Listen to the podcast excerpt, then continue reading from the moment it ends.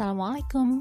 Halo Ketemu lagi semuanya nih Syara Di podcast jawabannya Di season baru nih ya Kayaknya udah lama banget cuy Kagak ada upload gue Tapi sekarang gak bakal ngebahas tentang Hal-hal yang sensitif deh kayaknya. Tapi gue sekarang pengen share Soal how to raise the kids with Down syndrome jadi um, aku dan keluarga itu membesarkan seorang anak yang mengidap Down syndrome.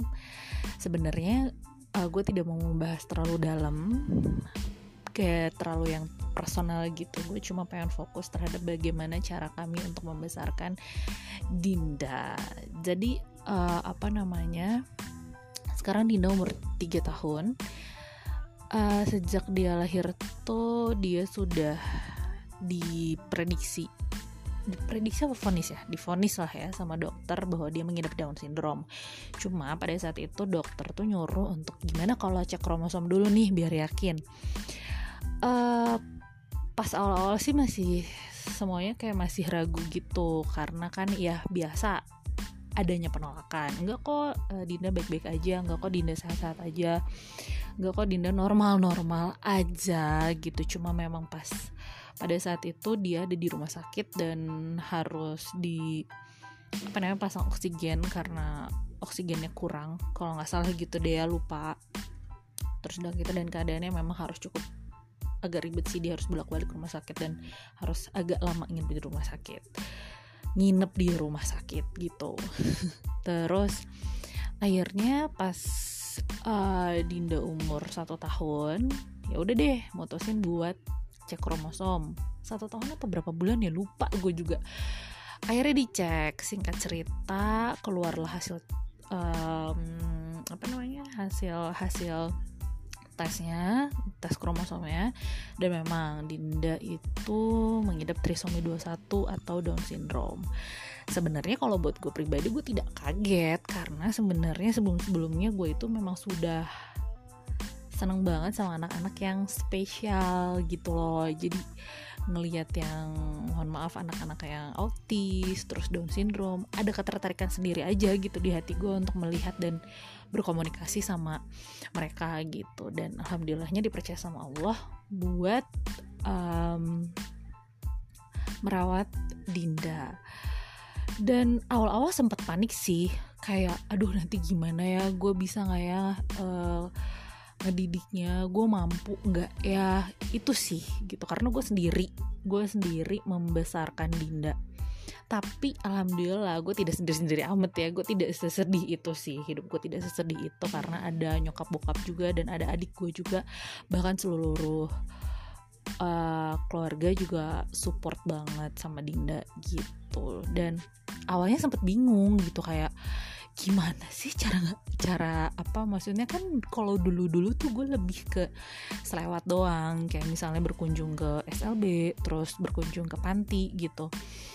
Komunikasinya kan hanya hanya beberapa jam nggak all day long gitu. Dan ini gue harus menghadapi Dinda yang harus setiap hari ngelihat dia terus setiap hari uh, berpikir gimana caranya untuk menstimulasi dia gitu kan. Karena yang gue tahu pada sebelum adanya Dinda itu anak DS itu harus diberi stimulasi bukannya teori gitu. Jadi dia lebih seneng stimulus gitulah.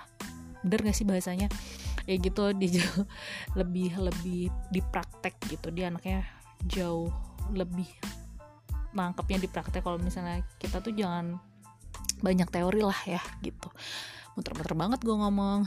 Terus udah kayak gitu itu sempat jadi beban sempat beberapa beberapa kali nangis gitu. Aduh gimana nih gitu gimana gimana gimana gimana gimana. Tapi ke sini ke sini ngelihat banyak orang tua orang tua di beberapa komunitas atau juga di YouTube atau juga di TV yang mereka fight banget membesarkan anak-anaknya.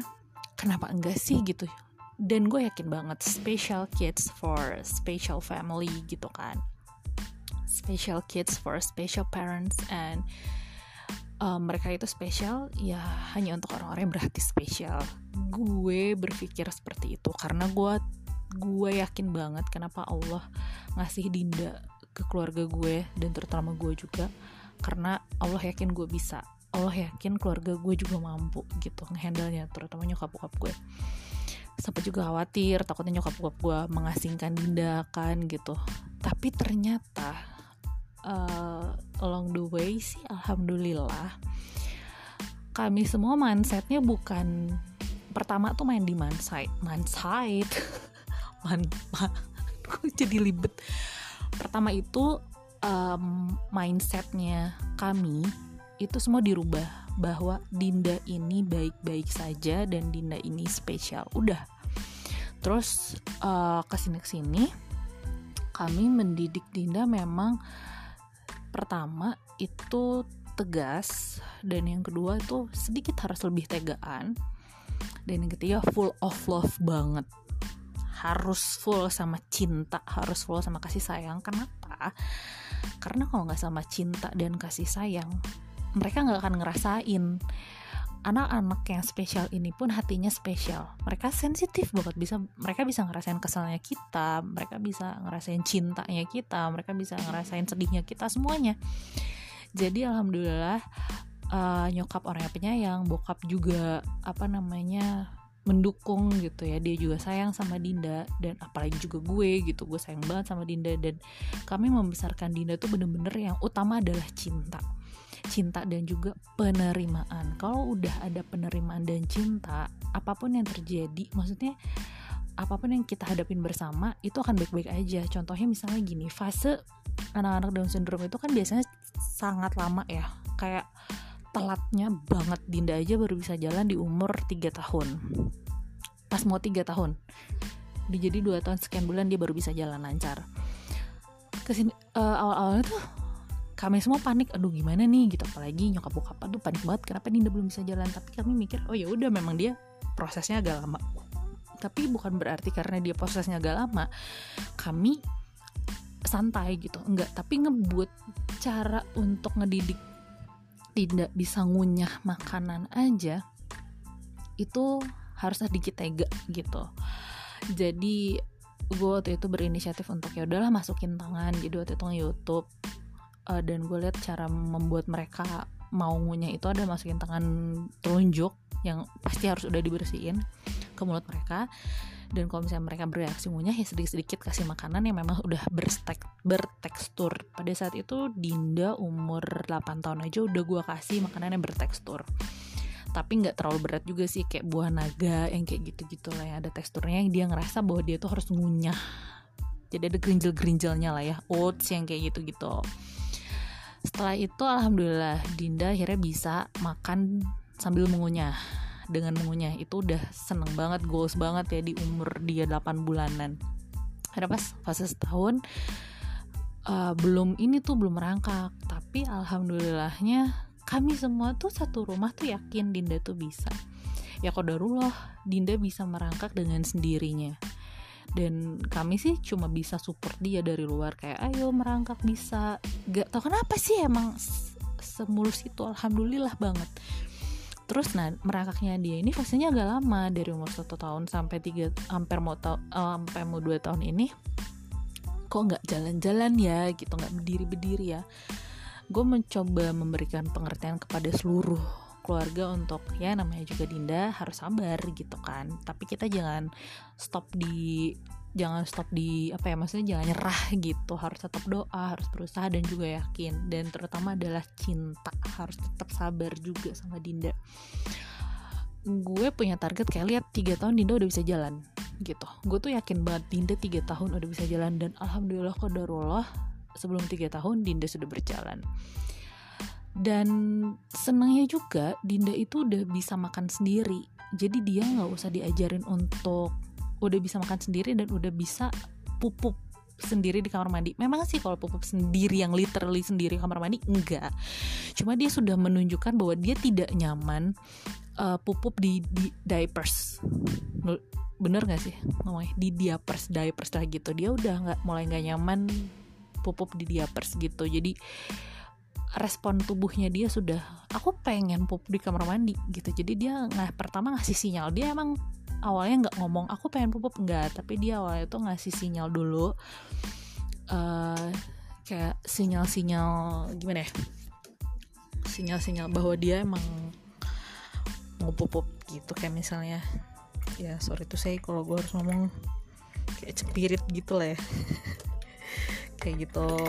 Nah itu berarti tandanya atau kentutnya udah bau bang kentutnya udah bau banget. Nah itu berarti tandanya dia udah mau pupuk ya udah akhirnya ditongkrongin lah dia di kamar mandi gitu.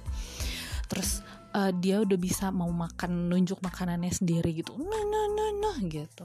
Dan dia udah bisa makan sendiri. Alhamdulillah sih semuanya lancar udah bisa berkomunikasi. Cuma memang sekarang kendalanya adalah uh, di kosakata gitu. Dia masih koleksi kosakatanya masih sedikit.